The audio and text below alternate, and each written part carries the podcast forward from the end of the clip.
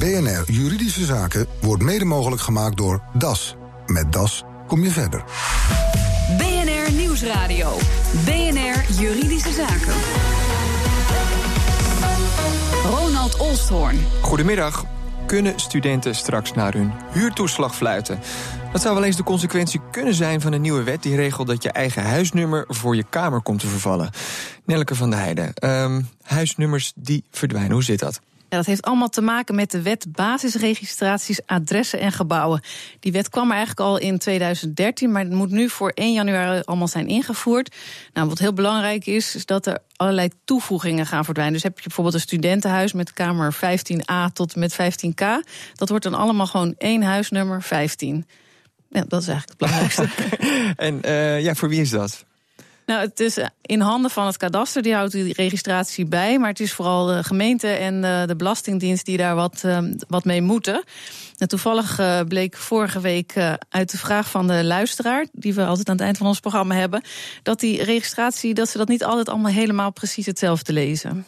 De BGAU, dat, uh, dat is het orgaan wat belasting in voor de gemeente Utrecht, die kwalificeert het als zijnde, het zijn zelfstandige woningen. De gemeente Utrecht die kwalificeert het als een kamervuurbedrijf en die zegt dat het onzelfstandige bewoning is. Nou, advocaat die heeft zich daar uh, vorige week ook over gebracht. Die zei van nou, in dit geval is het volgens mij toch zo dat die BGAU, die belastinginstantie, gelijk heeft en dat het een zelfstandige, dat zelfstandige woningen zijn. Collega Nelke van der Heijden, dankjewel.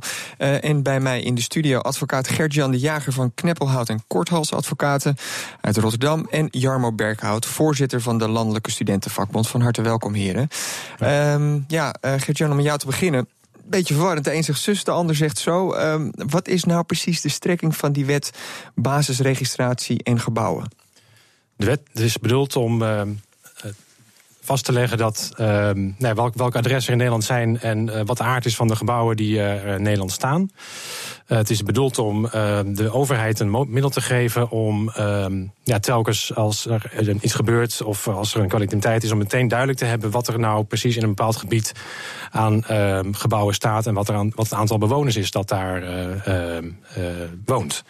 En dat maakt dat, je, nou ja, dat er een belang is bij een, registratie van alle adressen en gebouwen die in Nederland staan. Zodat meteen duidelijk is dat het bouwjaar, het, de, het aantal oppervlaktes, uh, de gebruikseenheden.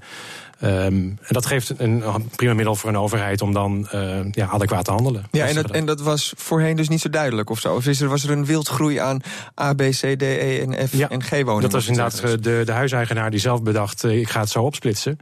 En dat uh, nou ja, onder de huidige wetgeving, met de huidige definities van zelfstandig, onzelfstandige woning, is het gewoon minder handig om dan uh, ja, daarop te kunnen handhaven. Om inzichtelijk te hebben wat je aan parkeervergunningen hebt, wat er aan afvalstoffenheffing moet worden geheven. En dat soort zaken. En hoe kan het dan, zoals we dus net al eventjes kort in die vraag van onze luisteraar hoorden, dat. Uh, als het gaat om de gemeentelijke heffingen, uh, het anders wordt beoordeeld dan de gemeente dat zelf doet. Ja, dat is wel lastig, want ik zou zeggen dat de gemeente eh, ja, die moet één met één stem spreken. Dus het kan niet zo zijn dat de, binnen, gemeente, uh, binnen een gemeente dan verschillend uit, een toepassing wordt gegeven. Ik kan me wel voorstellen als dat bij andere overheden of andere inspectiediensten, dat daar dan verschil ontstaat. Omdat niet iedereen dezelfde definitie hoeft te hanteren. Bijvoorbeeld als je het hebt over huurtoeslag, waar we zo nog over komen te spreken, denk ik. Uh, daar kan het uit elkaar gaan lopen. Ja. En uh, dan is het wel zaak dat je op je quivive bent. Uh, en dat je weet waar, ja, wat je rechten zijn. Ja, want, want als, als we Jarma Berghout van namens de studenten. Ehm, ja, wat, wat, wat voor gevolgen zou dit kunnen hebben voor alle studenten in Nederland die op kamers wonen? Ja, de grootste groep van mensen die onzelfstandig woont, dat lijkt me inderdaad studenten.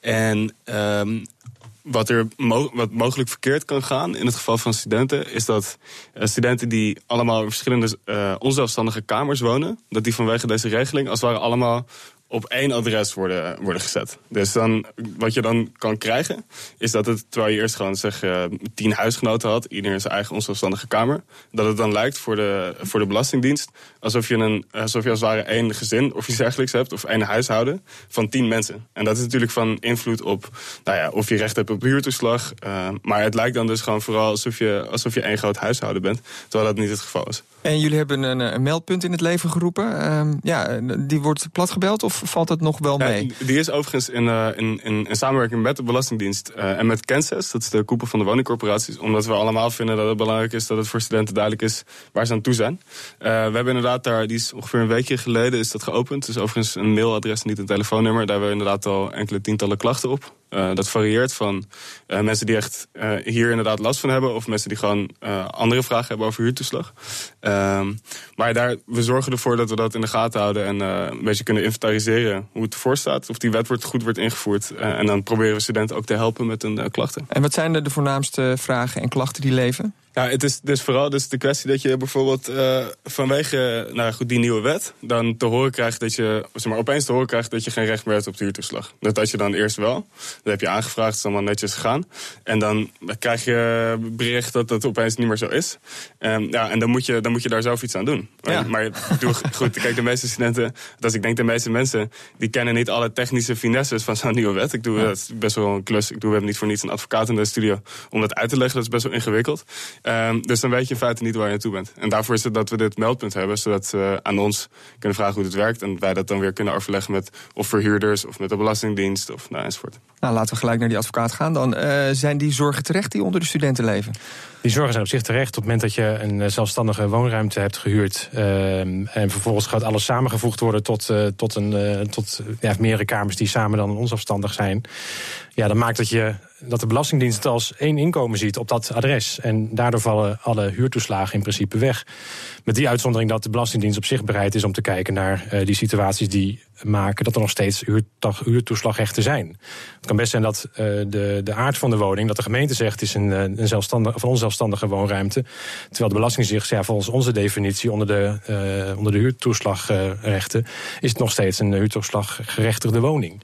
Zit er verschil in interpretatie dan? En wat zijn die verschillen dan van interpretatie precies tussen hoe de gemeente daarnaar kijkt en de Belastingdienst? De gemeente merkt een, een, een zelfstandige woning aan als een woning die een uh, keuken heeft, een douche en een toilet. Uh, de Belastingdienst uh, ziet een, een, zelfstandige woning al als je een keuken hebt en een toilet. Dus dan valt de douche. Dus een ruimere definitie. Dus het kan best zijn op het moment dat je nou ja, aan, die definitie voldoet dat je dan uh, gewoon aanspraak maakt op en blijft houden op je, op je huurtoeslag. En, en waarom, waarom is dat verschil dan? En waarom zijn die, die interpretaties niet gewoon gelijk? Nou ja, de, de BAG regelt heeft een andere definitie dan uh, de wet die de, de huurtoeslagrechten regelt. En dat kan dus uit elkaar lopen. En in zoverre is het wel uh, ja, beter, nog steeds goed dat je met een wat minder ruime definitie dus gewoon aanspraak kunt blijven maken op je huurtoeslag. En dat is een kwestie, dat zegt de Belastingdienst zelf ook op haar site, dat je daar gewoon uh, zelf even aan de bel moet trekken bij de Belastingdienst. Om zo te zorgen dat dat inderdaad weer uh, op orde komt. Want de, de Belastingdienst heeft gewoon een een, ja, een, een waslijst afgenomen, een, een database aan woningen die wat haar betreft uh, toeslaggerechtigd zijn. Ja, maar dit is een wet om alles een beetje eenvoudiger te maken. Maar ja. uh, het roept vooral heel veel vragen op, uh, begrijp het ik. Het roept zeker heel veel vragen en zeker wat afstemmingen. Het, kijk, op het moment dat je toeslaggerechtigd was onder de oude systeem... en toeslag, en, zal je ook onder het nieuwe systeem in principe toeslaggerechtigd kunnen zijn... als je voldoet aan dus die definitie van de Belastingdienst. Heb je een keuken en heb je een toilet... Um, wat ik zeg, dat, dat staat in een database bij de Belastingdienst. Dan is het een kwestie van uh, even bellen en het is geregeld. Uh, op het moment dat duidelijk is dat je niet aan die definitie van de Belastingdienst voldoet, ja, dan valt jouw huurtoeslag uh, weg. Maar ik begrijp ook wel een beetje uit uw verhaal, en misschien is dat een geruststelling voor de studenten. Uh, als jij gewoon dan toch een zelfstandige woning hebt, volgens de criteria van de Belastingdienst, ja. dat je je eigenlijk uiteindelijk geen zorgen hoeft te maken om die huurtoeslag. Nee, dan zou je geen zorgen hoeven te maken. Het kan zijn dat je, omdat die systemen zijn uiteraard gekoppeld, um, dat daar even uh, tijd tussen zit. Dus dan is het wel zaak dat je dat kunt uh, overbruggen. Maar op het moment dat je aan de definitie voldeed, uh, zal je ook aan de definitie, definitie kunnen blijven voldoen. Um, maar het is wel een zaak dat je daar zelf dan even actie op onderneemt. Ja, want welke actie moet er op ondernomen worden? Ja, de, de meldpunten, uh, wat al gezegd is, ja, er is een meldpunt uh, dat de Belastingdienst dus samen met de studenten ook in het leven heeft geroepen om dit soort dingen te melden. En dat zou ik ook uh, gewoon gebruik van maken, ja. Ja, of kunnen we hem eigenlijk alweer opheffen? Gezien, er wordt, wordt ook wel een beetje gerustgesteld hier aan de overkant. ja, klopt. Nee, dat, dat, is natuurlijk, dat is natuurlijk fijn dat, dat het zo is zoals net beschreven. Alleen uh, het, moet wel, het moet wel duidelijk zijn voor de mensen dat het, dat het zo is. En dat is een van de redenen waarom we dus dat meldpunt hebben. Om te, kunnen inventariseren hoe het ervoor staat. Of mensen er veel last van ondervinden. En als ze niet precies weten hoe ze dingen moeten oplossen, dat we ze daarbij kunnen helpen. Dus het is echt voor die gevallen waarin het, waarin het niet zo makkelijk is. Ik doe een voorbeeld in, in, het huis waar ik zelf woon. Ik woon in een studentenhuis, maar één voordeur. Wel onzelfstandige kamers, iedereen zijn eigen brievenbus. Maar er zitten ook een paar uh, woningen in. Waar mensen dan wel uh, hun eigen douche hebben. Dus dat zijn als het ware studio's in, in, een soort, in een soort huis. Waar zelfstandige, verder, zelfstandige woningen. Klopt, zelfstandige woningen in een soort, laten we zeggen, onzelfstandig huis. In ja. Dus iedereen zelf voordeur. Die mensen die moeten waarschijnlijk ook allemaal op hetzelfde adres als uh, de mensen die in onzelfstandige kamers wonen. Ik doe, en je krijgt dan een brief met. Uh, die brief heb, ja, die heb ik dan ook gekregen. Dus op zich best wel grappig. Dan staat er: je bent verhuisd. Ja. krijg je dan van de verhuurder. Of ja, administratief verhuisd en je hebt een ander nummer. Maar ja, ik doe het zo als je niet, als je niet weet wat voor consequenties dat heeft. Omdat dat bijvoorbeeld niet in zo'n brief staat. Maar in jouw optiek, wel... jij hebt een zelfstandige woning? Of zou nee, je, of, ik, zelf niet. Ik zit gewoon in een onzelfstandige okay, woning. Maar er zitten daar ook een aantal kamers die wel zelfstandig zijn. En, en, en ga je dan nu bepaalde rechten verliezen? Die je nu, want je, waarschijnlijk kon je je nu wel inschrijven, bijvoorbeeld, op, je, op het adres waar je nu woont? Ja, dat, dat, dat, dat was daarvoor dus ook al zo. Maar mijn, mijn adres is nu dus gewoon anders. Voor mij heeft het niet zoveel consequenties. Maar voor die mensen die in, zelfs, in een zelfstandige woning zaten met recht op huurtoeslag, kan het dus anders ja. zijn. Omdat ze die nu opeens op hetzelfde adres zitten met een heleboel andere mensen. Dus voor dat soort gevallen waarin het gewoon verkeerd kan gaan. of niet helemaal duidelijk is wie waar recht op heeft of wat de situatie is. Daarvoor hebben wij een meldpunt om te kunnen kijken of dat vaker gebeurt. En, uh, en nou goed, om te kijken of de Belastingdienst daar beter mee kan omgaan. of dat er betere oplossingen zijn. Maar ik begrijp wel dat in de hele sector, als het gaat om verhuurders, Belastingdienst, uh, die, die wil daar is. De, de wil uh, om... om eruit te komen. Om, om mensen oh, dat, uh, ja, dat denk ik wel. Het zou op zich grappig zijn als, als die wil er niet was. Belastingdienst nou, laat maar zitten met die... Uh... Nou ja, nee, maar er zullen natuurlijk situaties zijn waar je uiteindelijk waar mensen uiteindelijk geen recht op de huurtoeslag meer hebben. Omdat je ook niet meer voldoet aan de definitie die de Belastingdienst hanteert. Precies. En dan val je natuurlijk wel ja. terug. En daar is ook wel... Daar Misschien een bijkomend voordeel voor het Rijk. Dan, ja, misschien wel. Inderdaad, ja, dat zal heel wat huurtoeslag kunnen schelen. Um, aan de andere kant, het is... Um, in ieder geval zaak voor de verhuurder ook om ook op te letten. Want het kan best zijn dat je als verhuurder. Um, ja, je moet wel bieden wat je ook uiteindelijk uh, afgesproken hebt. Als jij zelfstandige woonruimte hebt verhuurd. en dat blijkt onzelfstandig te zijn. en daardoor vervalt jouw recht op huurtoeslag. heb je wel een probleem. Daar is in de eerste uitspraken al over gekomen. Dus het is voor iedereen wel een zaak goed op te letten. Hoe je mee om te gaan. Ja. En dan gaan we straks over verder praten. over die eerste uitspraken bijvoorbeeld. Zometeen na de reclame. Goede gesprekken, geniale ideeën en gave gasten. Nou, het is echt ongelooflijk geweldig. Epic. Hemmen. Het recept tegen je middagdip. Het lijkt een soort zomergast. We hebben een half uur, geloof ik, hè? Ja, komt wel goed. Nou, oké. Okay. Drank, fruit, ijs. Ja. Wat ga je maken? U heeft gewoon zijn 06. U belt hem gewoon. We gaan nou toch niet aan elkaar vragen wie, wie welke 06-nummers heeft? Roelof Hemmen. Ik ben er elke middag van 12 tot 2 op BNR. BNR Nieuwsradio. BNR Juridische Zaken. Met de toepassing van de wet basisregistraties, adressen en gebouwen kan een huishouden opeens flink groeien. Vier studenten met allemaal eigen woningen binnen één pand kan de Belastingdienst opeens gaan zien als een huishouden van vier personen. Over de gevolgen daarvan zijn nog steeds bij mij hier in de studio te gast Gertjan de Jager van Kneppelhout en Korthals Advocaten en Jarmo Berghout van de Landelijke Studentenvakbond. Uh, nogmaals, welkom heren. Uh, we hadden het dus over het fenomeen van de zelfstandige en de onzelfstandige woning. Um, nog even één keer voor alle duidelijkheid. Uh, een zelfstandige woning, die heb je als je eigenlijk alle voorzieningen hebt, toch? Keuken, ja. douche. En toilet. En toilet. Dat zijn de, vier, de drie criteria waaraan de, de wetbag uh, toetst. En een deur waardoor je waar, naar binnen En een voordeur waar je doorheen kunt, ja, precies. Oh, maar ja. die voordeur hoeft dan weer niet per se aan de openbare weg te liggen? Nee, hoeft niet per se, nee. Oké, okay, oké. Okay. Uh, we hadden het voor de reclame al even over de gevolgen van, uh, van deze nieuwe wet. Ook dat het misschien wel wat rechtszaken gaat uitlokken. Namelijk als je voorheen dacht van, hé, hey, ik woon in een zelfstandige woning. En uh, dat blijkt dan vervolgens een onzelfstandige woning te zijn. Uh, wat voor zaken spelen er dan nu zoal? Uh, de rechtbank Rotterdam heeft laatst uitspraak gedaan over een zaak waarin een verhuurder gegarandeerd had dat iemand een zelfstandige woonruimte kreeg en daar dus ook een huurtoeslag op kon krijgen. En vervolgens bleek dat het een onzelfstandige woning was als gevolg van een omnummeringsbesluit dat de, gemeente had genomen. En dus het, een onzelfstandig karakter kreeg. En daardoor ook geen recht op huurtoeslag. En die huurder heeft die verhuurder aangesproken door te zeggen: van, ja, ik heb, je hebt me gegarandeerd, je hebt deze huurovereenkomst aangeboden en gegarandeerd dat ik dat zou kunnen krijgen. En uh, ik krijg het niet, dus ik uh, hou je aansprakelijk voor het verschil. Althans, de huurtoeslagen over de periode dat ik hier gehuurd heb. En dat heeft de rechtbank uiteindelijk uh, toegewezen. Omdat ze zegt, van, ja, je garandeert als, ehm, als verhuurder deze woning met deze kwaliteit en deze kenmerken.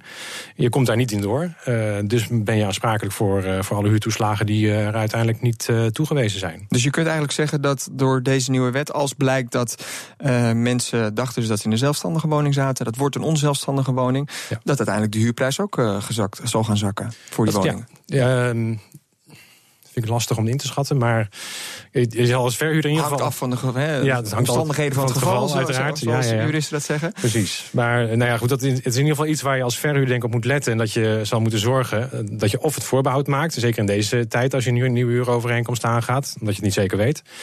Um, en dat je nou ja, in ieder geval niet de garantie geeft dat, je, dat er een aanslag of een aanspraak kan worden gemaakt op, uh, op toeslagrechten. Voor hoeveel ja, woningen gaat dit, geldt dit, denk jij, in heel Nederland? Waar hebben we het over? Nou, kijk, het gaat om het hele wooncorporatiebezit ongeveer in Nederland, denk ik. Omdat, uh, nou ja, dat, wat ik zeg, dat hangt van de definitie af of iets uiteindelijk zelfstandig of onzelfstandig is. En uh, wat wij in onze praktijk meemaken, is dat inderdaad corporaties aan de lopende wand van dit soort uh, besluiten krijgen van de gemeente. Waarin dus wordt omgenummerd van onzelfstandig naar zelfstandig. En uh, ja, dat beloopt uh, in Rotterdam al zeker, wat zal het zijn, 5 tot 10.000 woningen? Ja. ja. Ja, dat is flinke. Dat is per, per, corporatie denk ik ook nog in. Ja. Uh, en, en, lukt de operatie wel wat betreft, uh, als je het hebt over de woningcorporaties, met dat omnummeren? Zijn ze een beetje op streek? Ja, nou, het overkomt natuurlijk een corporatie die, die, ja, die heeft maar te accepteren dat dat inderdaad wordt omgenummerd. Uh, waar, waar de corporaties mee bezig zijn. Zeggen van ja, ik wil wel zeker weten dat wat ik afgesproken heb uiteindelijk ook is wat ik nu moet bieden mm -hmm. en kan bieden. En daar wordt nu wel een slag gemaakt om dat zo goed mogelijk te laten corresponderen. Um, ja, je bent een overeenkomst aangegaan voor uh, appartement uh, 5B en dat is nu 5 geworden. Ja, dat, dan correspondeert het al niet meer. En daar kan natuurlijk over tien jaar opeens heel veel discussie uh, ontstaan. En dat wil je niet. Dus daarom zul je toch een, denk ik, een slag moeten maken als corporatie of als, als, als verhuurder. Om te zorgen dat het allemaal overeenstemt. Oké, okay. Jarmo, studenten die zich zorgen maken en zich dus misschien wel ook naar aanleiding van, uh, van deze uitzending zich gaan melden bij jullie. Um, hoe kunnen jullie ze gaan, gaan bijstaan? we, uh, nemen hun klachten dus in ontvangst. Daarvoor hebben we dat, uh, dat meldpunt.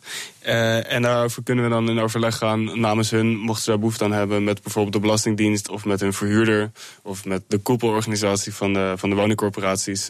of we, we, we, kunnen ze helpen, we kunnen ze advies geven. Met, nou goed, de juridische kennis die wij dan hebben hierover. Maar dus moet je ook echt bezwaar gaan maken of, of, of is een, een goed gesprek voldoende? Ja, goed, dat, dat, nou, nou, ik ga bijna als een advocaat klinken, maar het zal waarschijnlijk verschillen van geval tot geval. Ja. Um, in sommige gevallen kan ik me voorstellen dat dat, dat, dat raadzaam is. Ja. Um, ik, doe, ik hoop dat het niet nodig is.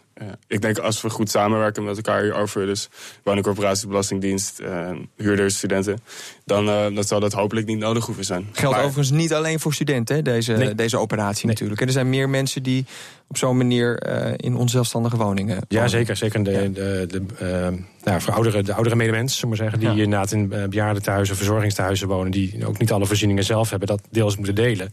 Ja, dan hangt het eraf van de, de, definitie of, je, of jouw woning aan die definitie voldoet. En dan kan het inderdaad wel zinvol zijn om bezwaar te maken. Moment, kijk, een gemeente gaat natuurlijk af op de basis van de gegevens die zij heeft. En dat zijn natuurlijk vaak bouwtekeningen, waaruit blijkt of hier daar sprake is van zelfstandig of onzelfstandige woonruimte.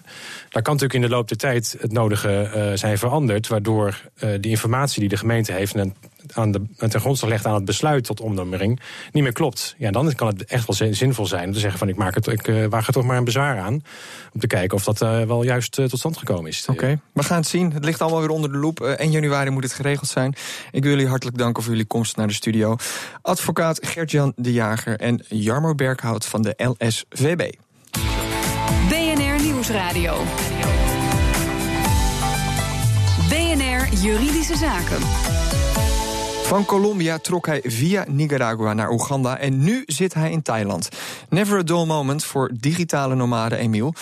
Maar aan het eind van dit jaar komen er ook vragen. Wat betekent dit bestaan voor zijn belastingaangifte? Het verslag is van Nelke van der Heijden. Emiel van Dongen, jij bent als digitale nomade door de wereld aan het trekken en mooie verhalen aan het maken. Maar dat brengt wel wat belastingvragen met zich mee. Dat klopt. In heel 2016 werk ik vanuit het buitenland. Samen met mijn vriendin. Wij zijn journalisten en copywriters. Wij werken alleen maar voor Nederlandse bedrijven. Vanuit vier verschillende buitenlanden. En momenteel zitten we in Thailand. Wij zijn uitgeschreven uit de basisregistratie personen, omdat wij langer dan acht maanden weg zijn uit Nederland. En wij staan nu in het eh, register niet ingezetenen. Maar het probleem is, als digitale nomade lijkt je overal een beetje buiten te vallen. Je bent niet echt een expert, omdat je nog gewoon werkt voor Nederlandse bedrijven. Maar je bent ook geen normale ondernemer omdat je niet meer ingeschreven bent in de basisregistratie personen. En, en hoe is het dan nu geregeld? Betalen jullie in de landen waar jullie zitten ook belasting? Nee, we betalen niet, eh, geen belasting in de landen waar wij nu werken en wonen. Omdat we zijn daar steeds maar heel kort. En bovendien, we werken voor Nederlandse bedrijven. Dus dan ja, is het een beetje raar om hier eh, belasting te gaan betalen. En dat zou administratief natuurlijk ook een crime zijn om dat allemaal te regelen. Dus vandaar dat wij onze omzetbelasting uh, nog netjes ieder kwartaal in Nederland betalen. Maar wij vragen ons nu wel af, zijn wij belastingplichtig uh, over 2016 in Nederland? En nu we onze terugkeer aan het plannen zijn, dan wordt die vraag wel wat urgenter. Want we zouden bijvoorbeeld uh, even na 1 januari zouden we terug kunnen komen. En als we dan het hele kalenderjaar 2016 weg zijn geweest uit Nederland... en we hoeven dan geen belastingen te betalen... dan ja, dan scheelt dat per saldo best wel veel geld. Dus en anders zouden jullie nog iets voor het einde van het jaar terug willen keren? Ja, dan zouden we inderdaad zo rond kerst of zo uh, terugkeren en ons dan meteen weer inschrijven in de basisregistratiepersonen. Ja, dus even kijken wat nu verstandig is. Yes. Paul Sleuring van de Brouwer Blackstone Westbroek. Moet Emiel van Dongen nou voor of na 31 december terugkeren? Dat maakt in beginsel niet uit. 1 januari is hierbij geen heilige datum. Uh, je moet beoordelen op welk moment iemand weer opnieuw inwoner wordt van Nederland. En dat is niet anders op 1 januari dan willekeurig welke andere dag van het jaar. Maar zit er wel een termijn aan, bijvoorbeeld van een jaar? Ja, er is een uh, belangrijke bepaling die zegt dat wanneer iemand binnen 12 maanden, dus niet noodzakelijkerwijs een kalenderjaar, maar gewoon een periode van 12 maanden, weer terugkomt in Nederland, hij geacht kan zijn, ook in die tussenliggende periode, gewoon inwoner van Nederland te zijn gebleven. Wat betekent dat hij ook in die periode volledig belast is in Nederland. Oké, okay, nou hij is in december vorig jaar weggegaan, dus in december zijn die twaalf maanden om. Is het daarmee uh, belastingtechnisch een eenvoudig verhaal geworden? Nee, dat is het helemaal niet. Want ook als de termijn langer dan twaalf maanden is, moet je gaan kijken wat was eigenlijk nou de situatie. Dan moet je kijken naar de feiten en omstandigheden. En dat is helaas niet zo eenvoudig. Zeker niet bij zo'n fiscale nomade waar hier sprake van is. Want waar moet je dan allemaal op letten? Zowel persoonlijke feiten en omstandigheden, economische feiten en omstandigheden, die dan ook nog op een bepaalde manier gewogen moeten worden. Dus helaas niet een eenvoudige vraag. Nee, maar hij kan wel gewoon voor 1 januari terugkeren. Ja. Overigens kan ik me uit praktische overwegingen voorstellen dat hij toch even wacht tot het nieuwe jaar. Daarmee bespaart hij in ieder geval de situatie dat hij in de loop van 2016 zowel een tijdje buitenlands belastingplichtig is geweest, inwoner elders, en misschien ook nog een paar weken binnenlands belastingplichtig. Dat betekent weer dat je twee verschillende aangiftes moet doen. En dat is alleen maar administratieve romslomp. Dus dat zou ik even proberen te vermijden als ik hem was. En dat zegt advocaat Paul Sleurink in een verslag van Nelleke van der Heijden. Heeft u zelf een juridische vraag? U kunt hem naar ons mailen. Het adres is juridischezaken.bnr.nl. En dit was de uitzending voor vandaag. U kunt hem nog eens terugluisteren via bnr.nl slash juridische zaken. Mijn naam is Ronald Olstorn. Tot de volgende zitting. BNR Juridische Zaken wordt mede mogelijk gemaakt door DAS. Met DAS kom je verder.